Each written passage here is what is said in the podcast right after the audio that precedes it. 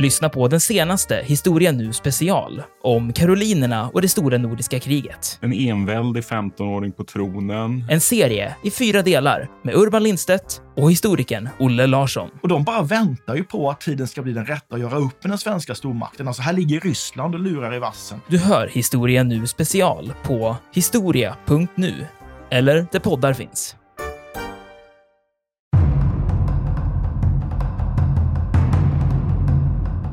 Man kan säga att, att den danska armén förefaller då ha varit omkring 2000 man. Och bönderna någonstans, om man nu räknar de skelett man har hittat så det är 1800 ungefär och då kan man beräkna att ungefär kanske de var 2000 också. Och ska vi då tro på, på de här resonemangen kring att det fanns ett antal förstrider då så kan man väl tänka sig att 2000 bönder ställde upp mot ungefär lika många danska soldater utanför ringmuren. Och det är ju lite spännande här nu som du är inne på. Det innebär att borgerskapet stängde portarna och stod alltså uppe på muren.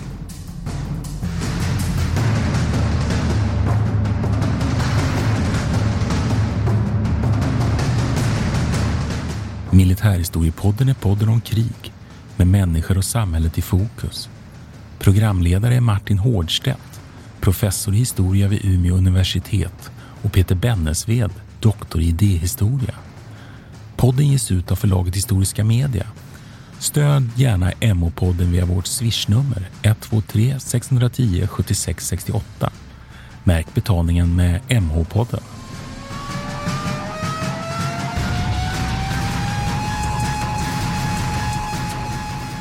Välkomna till Militärhistoriepodden. Mitt namn är Martin Hårdstedt. Och det här är Peter Bennesved. Och vi sitter nu här faktiskt i, mitt i sommaren och ska spela in ett avsnitt om händelserna på Visby 1361. För jag tänkte vi... vi skulle... Ja? Alltså, vi öppnar en ny front, skulle jag vilja tillägga. En ny gör front? Vi? Ja, gör vi inte det? Jag tänker att det här är ett område, ett, en tids Eh, ett tidsområde eller tidssegment som vi inte riktigt varit inne på förut. Va? Jag tänker, vi har inte gjort några stora slag, inget, eh, vi har inte pratat så mycket om Danmarks tillblivelse, inte så mycket om Sveriges tillblivelse. Vi gjorde ett avsnitt om det ryska hotet för ett tag sedan, där vi pratade om Novgorod-relationen till Sverige. Men annars har vi inte varit inne så mycket i det här området. Nej. Så, ja, på ett det... sätt, så på ett sätt kan man säga att det Och sen har vi in i Östersjön här nu då, mitt i förstås. Eh, så, här. så det är lite en, en ny front för militärhistoriepodden skulle jag vilja hävda. Ja, det skulle man kunna säga. Medeltid, Nordens medeltid. Det har du ja. nog faktiskt rätt i. Men jag tänkte faktiskt läsa upp ett, ja, ett meddelande som kom till ett telegram faktiskt, som nådde Hans Hillebrand, som var riksantikvarie i Stockholm 1905. Nu fick han den 23 maj fick han ett sånt här telegram från Oskar Wilhelm Wennersten som var föreståndare för den så kallade arkivdepån i Visby. Då skrev han så här. Riksantikvarien Stockholm. Kronans mark 17 steg öster om Valdemarskorsets grävning igår. Skelett med ringbrynja funnet. Undersökning? frågetecken.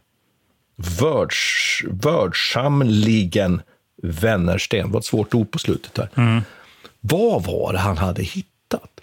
Jo, plötsligt då vid det här, det som kallas för korsbetningen, då, korset som står utanför Visby ringmur, så hade man stött på då ett antal massgravar som ju visade sig sen så småningom vara en arkeologisk sensation.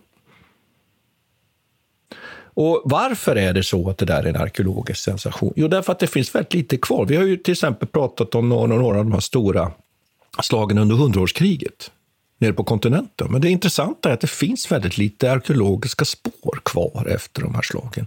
Men här plötsligt hittade man, som det sen ju faktiskt visade sig, drygt 1800 skelett från stupade, kan vi ju säga då, gotländska bönder i huvudsak, med rester från striden, pilar, en del rustningar och framförallt skador på de här eh, personerna som låg i den här massgraven.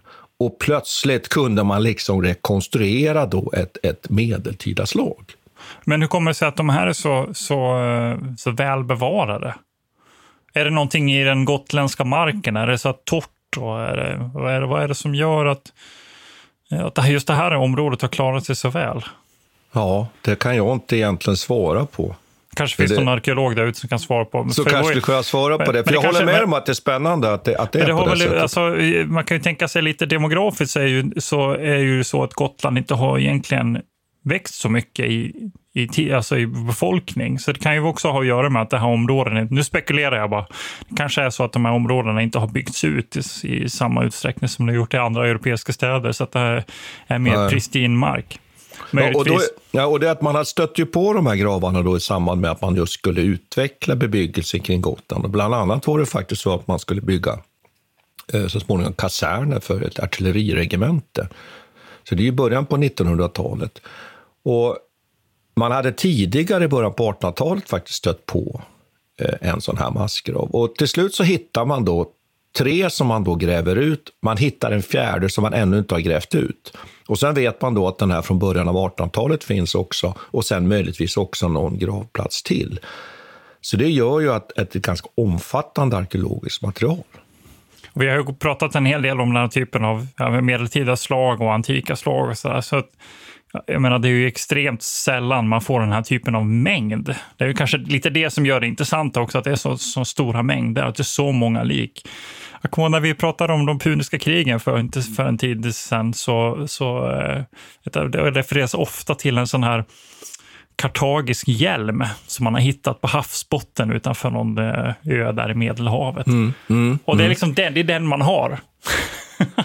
det, är den, det är den, och är en hjälm liksom. Och sen är det, är det några vrakdelar från något fartyg som eventuellt har tillhört, men man vet inte säkert. Alltså. Men ibland kan det ju vara så på den nivån, va? att man hittar så få saker. Och sen en liten inristning på insidan av den här hjälmen som Och här har man plötsligt då 1800 kroppar där man Ja. till exempel då kan titta på inte bara då vilka typer av skador de har fått under striden. Och där kan man ju konstatera då att, att eh, som vi kan återkomma till lite här sen, alltså hur striden kanske har förts. Men också att man kan titta på vad är det här för typ av individer, hur gamla har de varit och så vidare.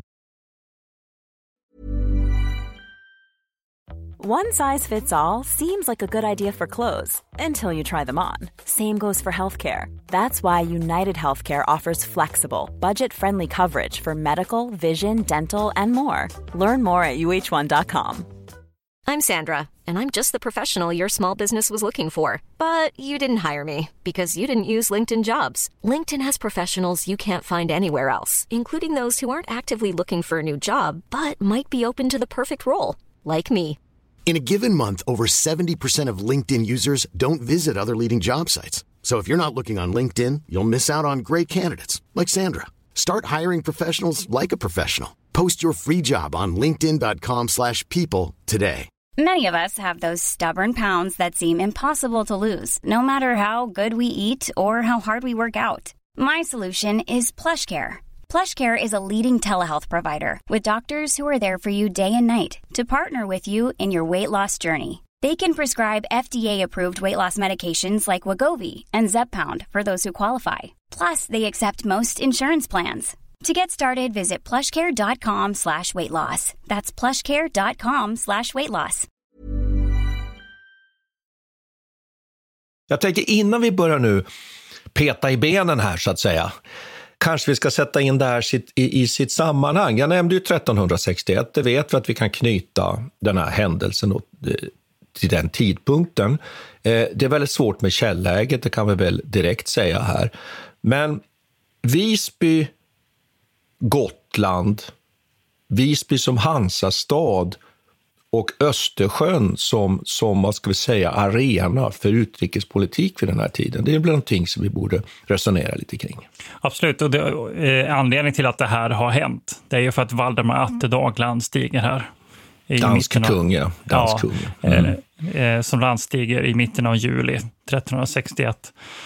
Och har då uppdraget att, ja egentligen vad har han för uppdrag? Just den här frågan kan vi återkomma till, men det, men det, eh, det som är intressant här det är ju att det här är ju egentligen inte en konflikt mellan Sverige, alltså att Sveriges dominans över Gotland och, och Danmark, utan det här är mer en, en, ett krig mellan Danmark och Hansan egentligen eh, och deras, deras intressen. Så det är egentligen tre, tre stora aktörer. Sverige tar lite mer bakåtlutat. Men Sverige har överhöghet kan man säga över Gotland. Det är ju kung ja, Magnus. absolut. Men så det är ju det. så här, ja, Mm. vi har, eh, vid den här tiden så har ju Sverige Mm. så här regerat över Gotland under en längre tid. Mm. Men, men den makten över Gotland är ju mer symbolisk egentligen än vad den är faktisk. Verkligen. Det, det Mm. handlar ju mer om att eh, man har på något vis inlämnat det här under det svenska kungariket och sen så, så eh, får man eh, viss, ska betala viss tribut och så ska man kunna ställa, gotländska fartyg ska kunna ställa upp på, på den svenska kungens sida, såvida de inte själva blir anfallna. Men det är mycket mer än så är det ju inte. Det här, och det är inte så konstigt egentligen om man tittar på geografin, för Gotland ligger ju ganska långt ut i Östersjön och ganska långt från det svenska kärnområdet religiöst sett, eller för, vad ska man säga, kyrkligt sett, så är det en del av Linköpings stift. Så det har blivit in, instoppat där. Så att eh, den svenska ska säga, kyrkan har ju viss makt här över, men, men ändå så är det här det är en vad ska man säga, multinationell entitet på sätt och vis. Va? som i i och för sig dominerar av gotländska bönder, men det finns väldigt mycket andra människor som samlas i Visby. Och det är också en av, eh, av eh, norra Europas största städer vid den här tiden också, tillsammans med Stockholm och antar Köpenhamn. Jag har inte kollat hur många som bor där, men det bör, bör ju vara den här triangeln egentligen. Riga är också stort. Mm. Men jag skulle vilja till, lägga till, Ja. man skulle kunna nämna Vib- Viborg också kanske, men, men, och Reval och några städer. Men det intressanta tycker jag är att viktigt nu att poängtera att det är så att säga inte något nationalistiskt. Sverige-Danmark, utan det är ett svenskt rike som ju har skapats eh, drygt hundra år tidigare skulle man kunna säga under Birger Jarl och vi har en danskt rike som står mot varandra. Eh, Och som du säger, Atterdag, vad är hans egentligen? Jo, det är kampen med det här tyska handelsförbundet som ju samlar de tyst, nordtyska städerna då och där ju Visby är en hansestad. Och det som jag, jag tycker är spännande i det här, det, det är ju någonting som faller tillbaka lite på det som vi har pratat om tidigare under, eh, under antiken också. Det är att det här är två, nu ser vi två riksbildningar här egentligen. Valdemar Atterdag är ju förnyare av den danska kronan på Mm. sätt och vis. Ny far- start, ny ny energi. Start, hans, Ja. hans, hans far har ju kört, det här, kört den danska kronan fullkomligt i, i konkurs egentligen. Och Valdemar Atterdag är ju en förnyare och ser till så att de betalar av alla sina skulder och samlar ihop det danska riket igen som har liksom avyttrats på olika sätt. Då. Lite samma situation har vi haft med Magnus Eriksson i Sverige, fast kanske 50-60 år tidigare. Han är ju den som har samlat de tre rikena, gjort en tre kronor så att säga och skapat ihop och, eh, tagit kontroll över även Skånelandskapen eh, och inlämnat även Finland i detta. Eh, och, så att nu har vi liksom två riken som börjar bildas och då blir det ju så att periferin, de här områdena som ligger emellan, helt plötsligt börjar bli ett konfliktyta på ett nytt sätt och där är ju Gotland en av dem. Va? Så desto mer man växer på båda sidor, desto mer konflikter blir det. Samtidigt har vi då Hansan som under den här tiden tidigare, när de här eh, kungarikena inte så här, har varit så starka, så har ju Hansan bildats som ett sätt att lösa säkerhetsproblem mellan städer eh, och har varit en politisk kraft då, som man försöker åstadkomma tullfrihet och goda ekonomiska villkor och så försöker man säkra sin handel genom att ja, se till att hjälpa varandra mot yttre hot och mot pirater och sjöröveri och sånt där. Så Hansan har ju växt fram eh, och blivit en stark entitet eh, under den här tiden just på grund av att kronorna eller kungarikena har varit svaga, kan man säga. Och nu är, det ju, nu är vi precis på zenit här av Hansan egentligen. När de står precis på sin topp Eh, och den danska kronan då återtar sin makt. Och då skapas det friktion. Och detta sker mitt på Gotland kan man säga. Mm, och det kanske, kanske man ska förtydliga då att, att eh, eh handeln på då, eh, det är ju rysshandeln som Hansan är intresserad av då naturligtvis. Och att Visby under lång tid har varit en väldigt viktig sån transitplats kan man säga. Men Ja. faktiskt vid den här tidpunkten har börjat lite att tappa det därför att man helt enkelt seglar förbi Visby därför att logistiken har utvecklats, fartygen har blivit bättre. Man behöver inte riktigt Visby. Så att Visby har vid den här tiden då kan man väl säga en relativ nedgångsperiod. Då. Och precis, och Hansans handel, intresseområde sveper ju från Novgorod i öst eh, hela vägen ner till ja, ungefär London, alltså havsdelen av det här. Eh, och sen så finns ju Hansan också, är ju också en landbaserad organisation som, som befinns, finns i Tyskland i stor utsträckning med. Så att det är inte bara, det är inte bara ett, eh, så säga, maritim handel, utan det är även, även land. Men det sträcker sig som ett band egentligen eh, från Novgorod till London ungefär. Eh, och det är, de huvud, det är ju Lübeck som är, som är centrala, Hamburg, Bremen, de här ställena i, i mitten egentligen, som är, som är de starkaste städerna. Men, men sen finns det en dimension till i det här. Nu har vi liksom pratat om Danmarks relation till Hansan, Atterdags, eh, kung Magnus Erikssons relation. Det är också så att det pågår en maktkamp mellan Atterdag och, och kung Magnus, bland annat om Skåne som, som föregår det här. Men sen finns det en, en, en lokal dimension och den är ju att borgerskapet i Visby, och där kan man väl säga då att borgerskapet i Visby domineras faktiskt eh, intressant nog av gotländska köpmän. Och så finns det en annan grupp där, nämligen naturligtvis tyskspråkiga Hansehandelsmän, för att förenkla det lite. Men det finns en friktion och en motsats mellan borgerskapet och landsbygdens bönder, gutarna, som är ovanligt självständiga. Och det är till och med så att man har utkämpat en form av nästan inbördeskrig på, på Gotland tidigare. Så att här finns det en friktion och den kommer ju att, att visa sig nu vara eh, ödesdigen. Därför att när inkräktare nu då Atterdag, Valdemar Atterdag, landstiger med en armé med danska knäktar, så samlar sig ju bönderna till försvar. Och här är ju min tolkning, Peter, att, att man gör det är ju inte för att man har någon form av svensk patriotism eh, eller någon sån känsla, Dels naturligtvis har man ett åliggande att försvara det här området som den, kung, den svenska kungens eh, rike. Men framför allt är det att man vill ju försvara sina nära kära, sina gårdar, sina ägodelar mot plundring. Det är jag tror du, ja, jag tror att du har helt rätt. Jag tycker vi kan återkomma till det. För nu skulle jag vilja säga någonting om den eh, direkta så här, orsakerna till att den här konflikten sätts igång. Och det har delvis att göra med det du säger nu, men vi, vi kommer till det sen. Eh, under själva slaget där är ju intressant, den här relationen. Men eh, det som sker nu för det är ju att vi har också en pest. Har du hört talas om den? digerdöden, Martin. Faktiskt. faktiskt. Ja, och det här är ju intressant också, för det är en av eh, orsakerna till att den här konflikten sätts igång, delvis för att den mer direkta eh, kontexten. Att både, både Danmark och Sverige drabbas väldigt hårt av, av pesten. Eh, Magnus Eriksson då får enorma ekonomiska problem. Och han har ju tidigare använt sig av hans andel, har lånat pengar och sådär. Han har svårt att betala tillbaka det, de pengarna. Ungefär samma sits som Valdemar Atterdags pappa befann sig i tidigare. Detta gör att Sverige eh, hamnar lite på dekis helt enkelt och får lite interna problem. Eh, varav en av hans söner, Erik Magnusson, hamnar i konflikt med sin far och vill splitta upp den svenska kronan. Då vill han bland annat ta kontroll över Skånelandskapen och nu är vi någonstans mitten av 1350-talet. För att få stöd i detta så vände han sig mot Valdemar Atterdag som nu har konsoliderat Danmark ungefär, som har gått igenom en lång eh, process här. Och egentligen lova bort Helsingborgs slott. Nu är det så här att Erik Magnusson då, han dör 1359 i pesten. Och detta ställer till det lite med planerna för hur det här skulle bli. Va? Och det finns också en tredje, eller en annan bror här som heter och Håkon som, som är en ganska viktig aktör. Eh, men det här leder då till att Valdemar Atterdag ändå vill säga, ta kontroll över Skånelandskapen. Han vill införliva den här överenskommelsen.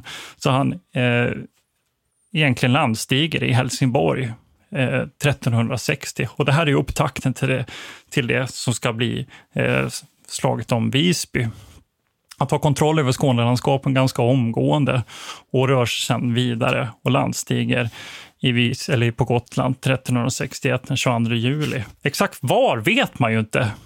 Eh, men det finns ju, man ska komma ihåg att Visby inte, alltså Gotland är ju inte bara Visby, utan det finns ju ett antal större hamnar här i mm. om, området också. För det jag tänker på där då, det måste, då måste det ju vara så här, finnas en logik i att han är ute efter de här kustområdena, till exempel Kalmar slott, Öland, som han ju tar tidigare ska man säga, där, där har han ju redan genomfört en erövring, och sen tar Gotland, därför att han bedömer att de här områdena då ska kunna, tar han de här, kontrollera dem, kan det stödja då hans återerövring av Skåne. Va? Och det är precis de här två områdena också som är Hansans viktigaste handels områden Så är det ju Skånelandskapen och Gotland. Det är ju där. Just det. Ja. Och det där har man ju diskuterat lite, vad han, vad han landstiger. Finns det lite olika bud. Men det som förefaller ändå vara det mest rimliga det är ju att, att den danska hären faktiskt går i land precis för, mitt för de här Karlsöarna. Det är den bedömning som har gjorts av historikerna.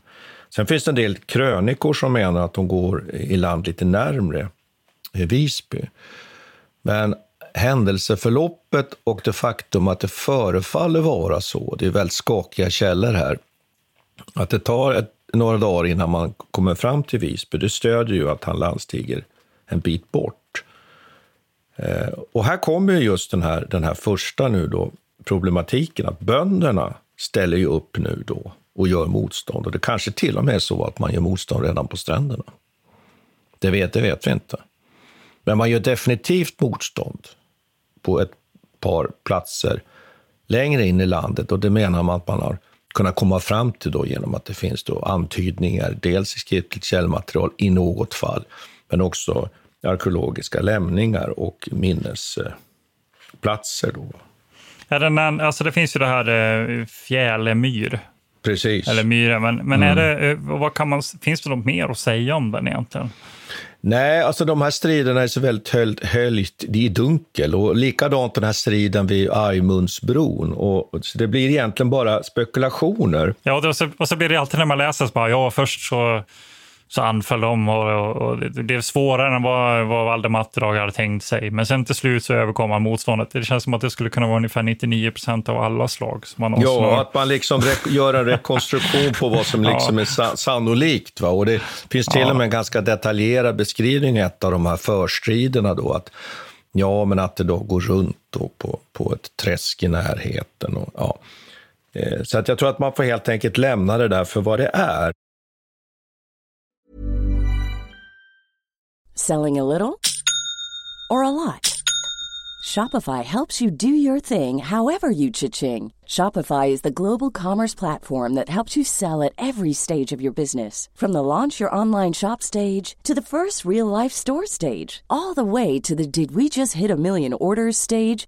Shopify is there to help you grow. Shopify helps you turn browsers into buyers with the internet's best converting checkout. 36% better on average compared to other leading commerce platforms because businesses that grow grow with Shopify. Get a $1 per month trial period at shopify.com/work. shopify.com/work. Everyone knows therapy is great for solving problems, but getting therapy has its own problems too, like finding the right therapist, fitting into their schedule, and of course, the cost.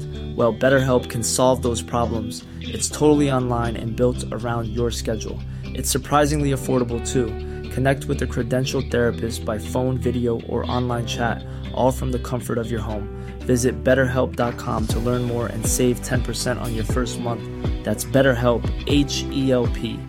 Cool fact a crocodile can't stick out its tongue. Also, you can get health insurance for a month or just under a year in some states. United Healthcare short term insurance plans, underwritten by Golden Rule Insurance Company, offer flexible, budget friendly coverage for you. Learn more at uh1.com. Det som är intressant är väl varför slaget egentligen står utanför muren och varför det inte blir en belägring här. Varför väljer man att mötas utanför muren helt enkelt? Det är väl det som är liksom kärn, kärnfrågan och det har väl att göra med det som du sa, den här konflikten mellan landsbygden och borgarna.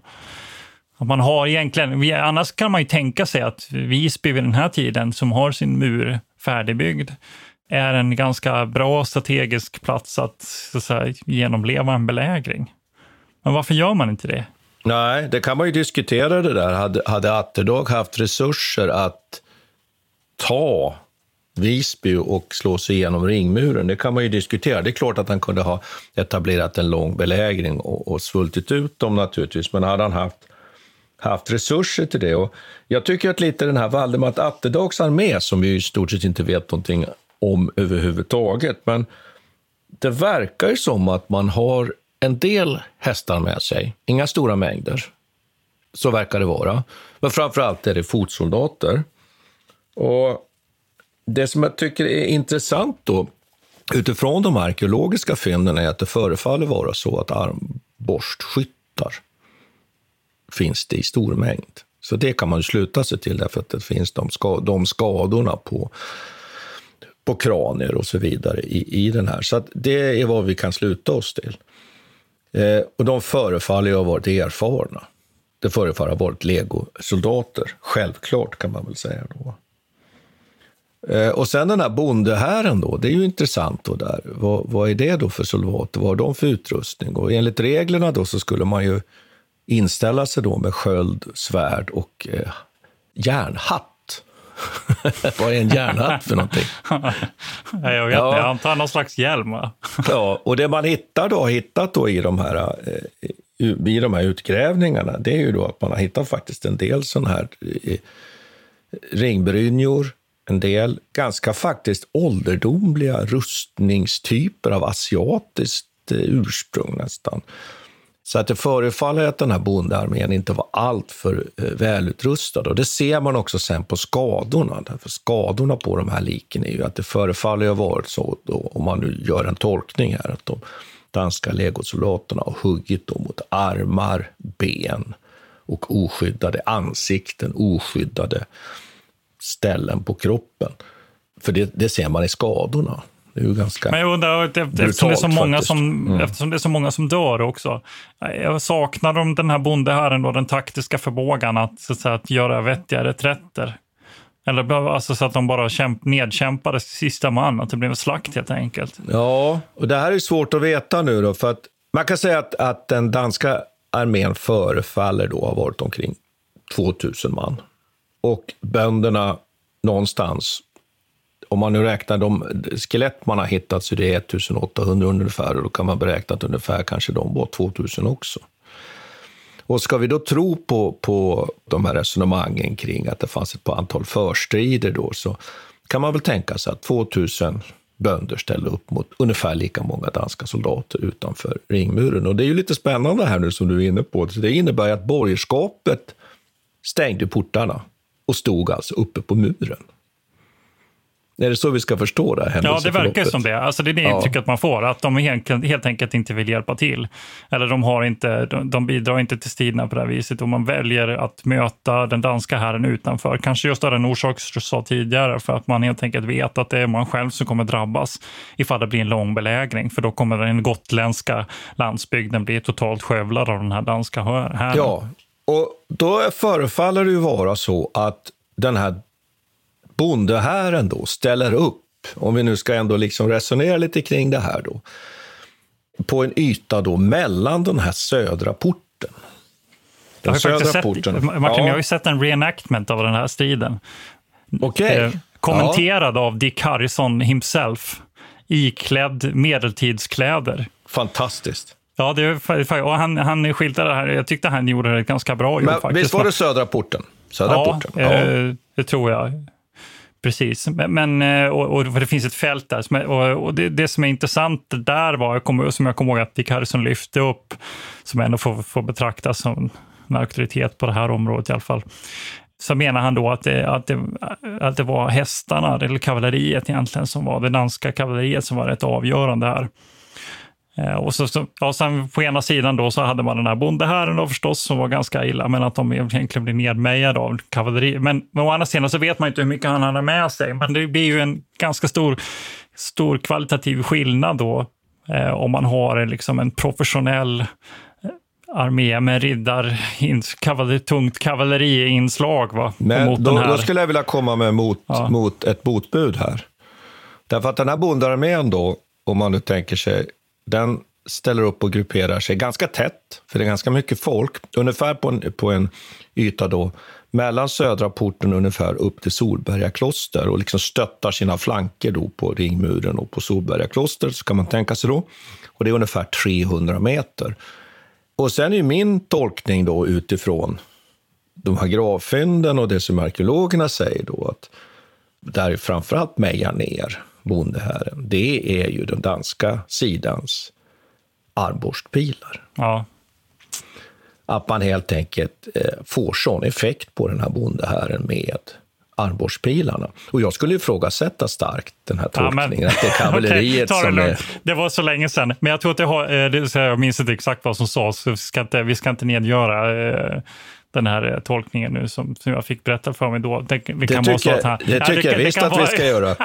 det kan vara så att han eh, la tung emfas på, på eh, armborsten också. Men jag tror att det har lite att göra med också själva reenactments-delen, hur den gick till också. För att, för att det man vill visa upp under sådana tillfällen, det är ju de här hästarna och de här rustningarna som man har. Det fin- finns ju någon, eh, någon grupp där, eller jag vet inte om det är ett företag eller en förening som driver, som arrangerar de här turnerspelen och det. Jag alltid att det kanske är, lite, kanske är lite svårt att iscensätta eh, beskjutning med armborstpilar Ja, på ett det är reenactment. Det, Men- Exakt. det är lite svårt. va?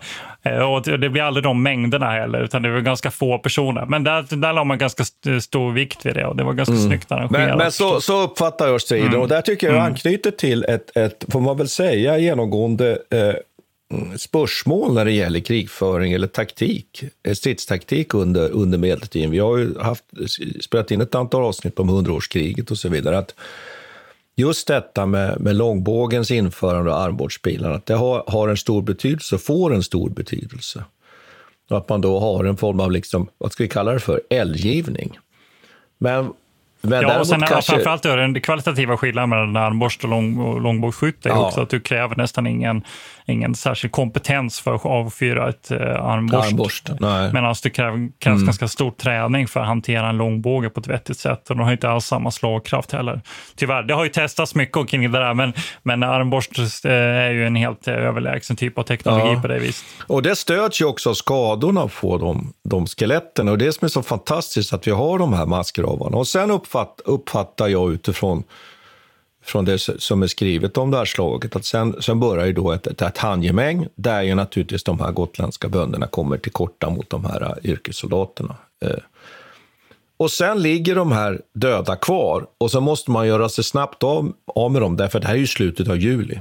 Eller hur? Och då gräver man så att säga på, på platsen där, på, i helgad jord då, innanför murarna, så mycket man då får plats med det här klostret. Så gräver man massgravar och eh, helt enkelt huller om buller kastar ner de här gotländska bönderna ganska omgående, uppfattar jag. Varför?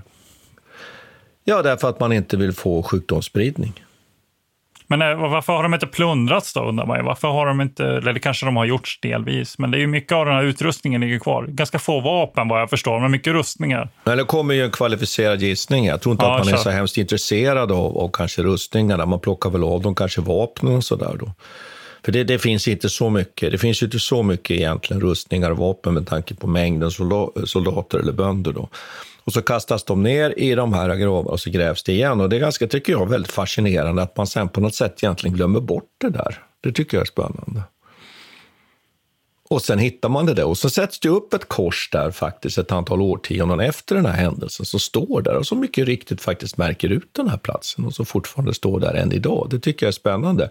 Det som händer sen då är ju att eh, Eh, och då, jag tänkte på en sak här som vi inte kommer ihåg att ta upp och det är att det kom ju en varning från den svenska kungen, kung Magnus faktiskt. Och, och det, det kan man ju nämna här och att man diskuterar mycket då bland borgerskapet den här varningen att nu måste ni bereda er på att det kan komma ett anfall. Däremot står det inte från vem. Det är ganska spännande. Och det här är ett av de få dokumenten vi har kring den här händelsen. Och det är uppenbart då den här friktionen mellan landsbygd, gutiska bönder och borgare, att man samarbetar uppenbarligen inte här. Utan det som sen händer är att man tvingas ju öppna stadsportarna då efter förhandling för atterdag. Och då är ju frågan vad som händer där sen. Det finns ju en berömd målning som heter den här brandskattningen, eller hur? Kanske, Av- kanske är en av Sveriges mest uttjatade målningar. Ja. Jag vet inte. Och, men vi bör väl tjata lite om den ändå, tycker Ja, men jag vet inte. Det, måste, det, det är liksom allmänt, det alla känner till. Det. Ja, men jag- jag tycker att eller det bör vi göra. Han ställer Det upp bör olika tunnor och så Ja, hade de tre dagar på sig. Hellqvist. Ja, och fylla dem där. Och, och det där vet vi egentligen inte om det överhuvudtaget Nej, rum på precis. det där det är alltid så jävla förutsägbart. Bla, bla, bla, Men däremot Ja. vet vi en sak, Peter. En Ja. sak vet vi ju sen, att Ja. det för sen genomförs ju en plundring av Gotland. Så där hade ju bönderna rätt i sin bedömning. Mm. Att Gotland ju plundras ju sen i efterhand. Så de hade ju rätt i sin bedömning att då gör vi inte motstånd så kommer detta ske då. Sen tycker jag en sak som jag tycker är, fascinerande är att om man nu ställer så att säga då den här mängden bedömt antal bönder som ställer upp i den här striden och, och de som ligger i massgravarna, så förefaller det vara så att väldigt få av de som ställde upp överlever. Utan de huggs ner. Det är ju ganska brutalt, måste jag säga. Eller vad säger du? Ja, men det är det jag menar här. Jag ställde frågor tidigare om det här. Saknar de eh, liksom det taktiska sinnet här att göra en, en reträtt? Eh, och så att det här slutar i en, i en masslakt. Ja, jag uppfattar att de inte hann med. Jag uppfattar, jag uppfattar det, ja, att det är precis att de hann inte undan och de var, det var ett öppet fält och så vidare. Eh, och även om det nu inte fanns kavalleri, vilket jag ju hårdnackat håller på här, jag kanske kommer få äta upp detta. Jag kanske får äta upp min järnhatt. Nej, men det, men det stämmer. Jag tror, jag tror att, och det, det kan, han, han skriver ja. samma sak också, att det är svårt. Att det är väldigt jobbigt att frakta hästar över, jo, över jo. havet på det här viset. Ja, och jag tycker att jag tycker att det där är ett ganska brutalt faktum att så är det. Och återigen kan man ju upprepa det och konstatera det bara att de här borgarna i Visby, eh, får man väl säga, gjorde ju bort sig i alla avseenden här. Eftersom de ju låter det här bara ske. Då. Mom deserves the best and there's no better place to shop for Mother's Day than Whole Foods Market. They're your destination for unbeatable savings, from premium gifts to show-stopping flowers and irresistible desserts. Start by saving 33% with Prime on all body care and candles. Then get a 15-stem bunch of tulips for just $9.99 each with Prime. Round out Mom's menu with festive rosé, irresistible berry chantilly cake, and more special treats. Come celebrate Mother's Day at Whole Foods Market. Planning for your next trip? Elevate your travel style with Quince. Quince has all the jet setting essentials you'll want for your next getaway, like European linen, premium luggage options, buttery soft Italian leather bags, and so much more. And is all priced at 50 to 80% less than similar brands. Plus, Quince only works with factories that use safe and ethical manufacturing practices. Pack your bags with high-quality essentials you'll be wearing for vacations to come with Quince. Go to quince.com/pack for free shipping and 365-day returns. Jag ska vi säga någonting om konsekvenserna av det här också. Alltså, själva slaget i sig är ju mest, mest känt idag, för kanske framförallt på grund av de arkeologiska utgrävningarna faktiskt, och dess arkeologiska faktiskt, intresse. För ja. själva slaget i sig har ju inte så jättestor påverkan och det här övergår ju förstås till, då, till danskt eh, herravälde, eller man, man tar kontroll över det här området. Hansan kommer sen slå tillbaka Eh, i det här kriget alltså, och, och, kommer få till en ganska fördelaktig fred. Och det är ett lustigt att Hansan i sig kan skriva fredstraktat med en dansk kung, vilket är kanske det största utropstecknet under, under, under den här perioden egentligen. Men, men själva eh, så här, konsekvenserna för Gotland är ju inte så jättestora. Det, det, kommer, det här är ju som försteget till Kalmarunionen eh, och det som ska bli en, en, helt annan typ av geopolitisk situation. Va?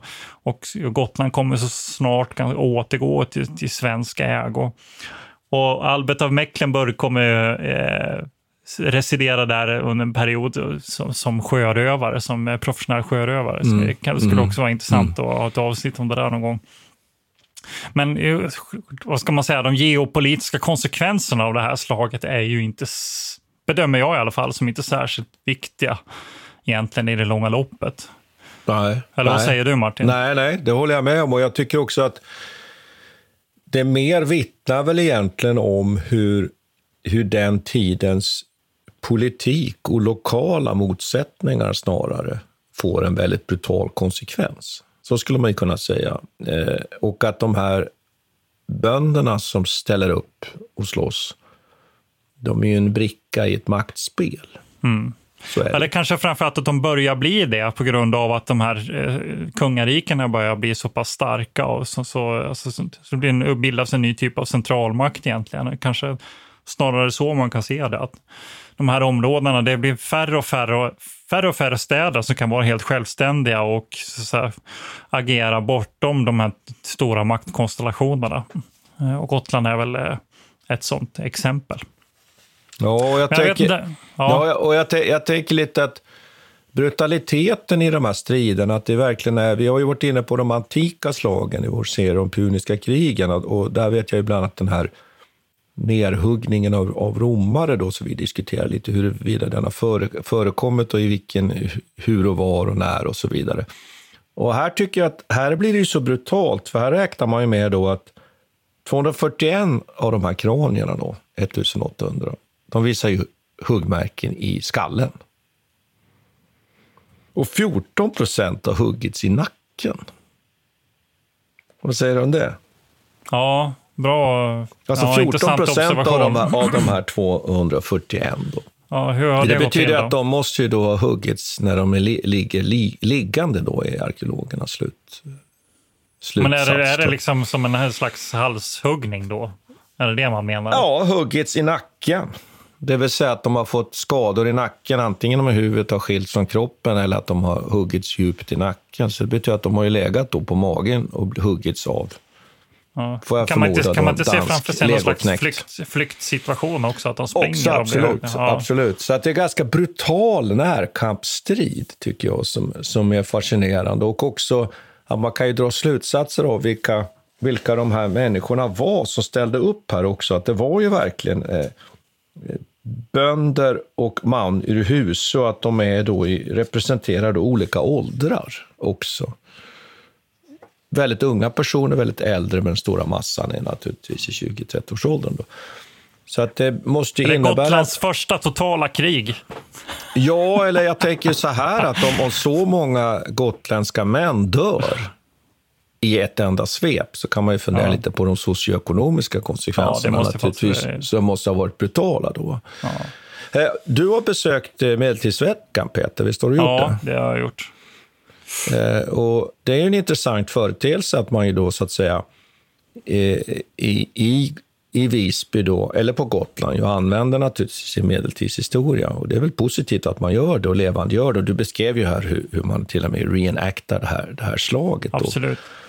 Det är ju intressant. Jag, jag brukar ofta reflektera över det, över det där att Gotland är ju ett ställe där det är så väldigt viktigt att visa upp den svenska flaggan också. Ja, och det är jag tänker att det, spännande. ja, Ja. jag tänker att det har att göra med, med, med det här arvet. Liksom att det här är en ö som, som hela tiden har varit eh, lite i blickfånget av många olika maktkonstellationer. Eh, och det, ja, ja, det, det finns en sån dimension i, i, och även i den här medeltidsvurmandet, tänker jag. Att, man Att försöker det finns en sån dimension. Ja. Sen tänker jag ju nu då anspela lite, lite frankt här faktiskt på nuet också. Jag kan ju säga att senast jag var på Gotland, det var 2017 och då flög jag dit med en amerikansk C14 och så får lyssnarna dra sina egna slutsatser. Det vill säga, det var ju under en av våra stora militärmanövrer, Aurora. Och det visar ju att den här ön ju, i allra högsta grad är betydelsefullt militärstrategiskt idag. Eh, Sen ska vi inte koppla det till de här medeltida händelserna, men det finns ett, i alla fall, för, för mycket ska vi säga, men det finns en liten uns av ändå, som du säger, man kan Kanske, göra en ja. reflektion där kring Kanske är Danmark fortfarande intresserade. Vi får försöka hålla borta dansken därifrån. Ja, jag kan tänka mig andra faktiskt. Det, kan det, det, det. det, fasta Ja. hangarfartyget Gotland som man brukar prata om. Jag tycker vi ska se upp när nästa kryssningsfartyg med fulla danskar dyker upp. Då, då gäller det att Ja. passa sig. Okej, Ja. men jag tror att nu innan det spårar ur så, så är det bäst vi drar ett streck. tycker jag att vi drar ett streck. Men man kan väl säga så här, ett av de absolut tidigaste dokumenterade striderna i den svenska militärhistorien ändå, om vi inte ska gå rent till vikingatid och så vidare. 1361 Visby. Besök Gotland och Visby. Spännande. Tack ska vi ha. Tack ska vi ha. Vi tackar Peter Bennesved och Martin Hårdstedt. Kontakta gärna Militärhistoriepodden via mejl på militarhistoriepodden historia.nu. Peter och Martin vill gärna få in synpunkter och förslag till programidéer.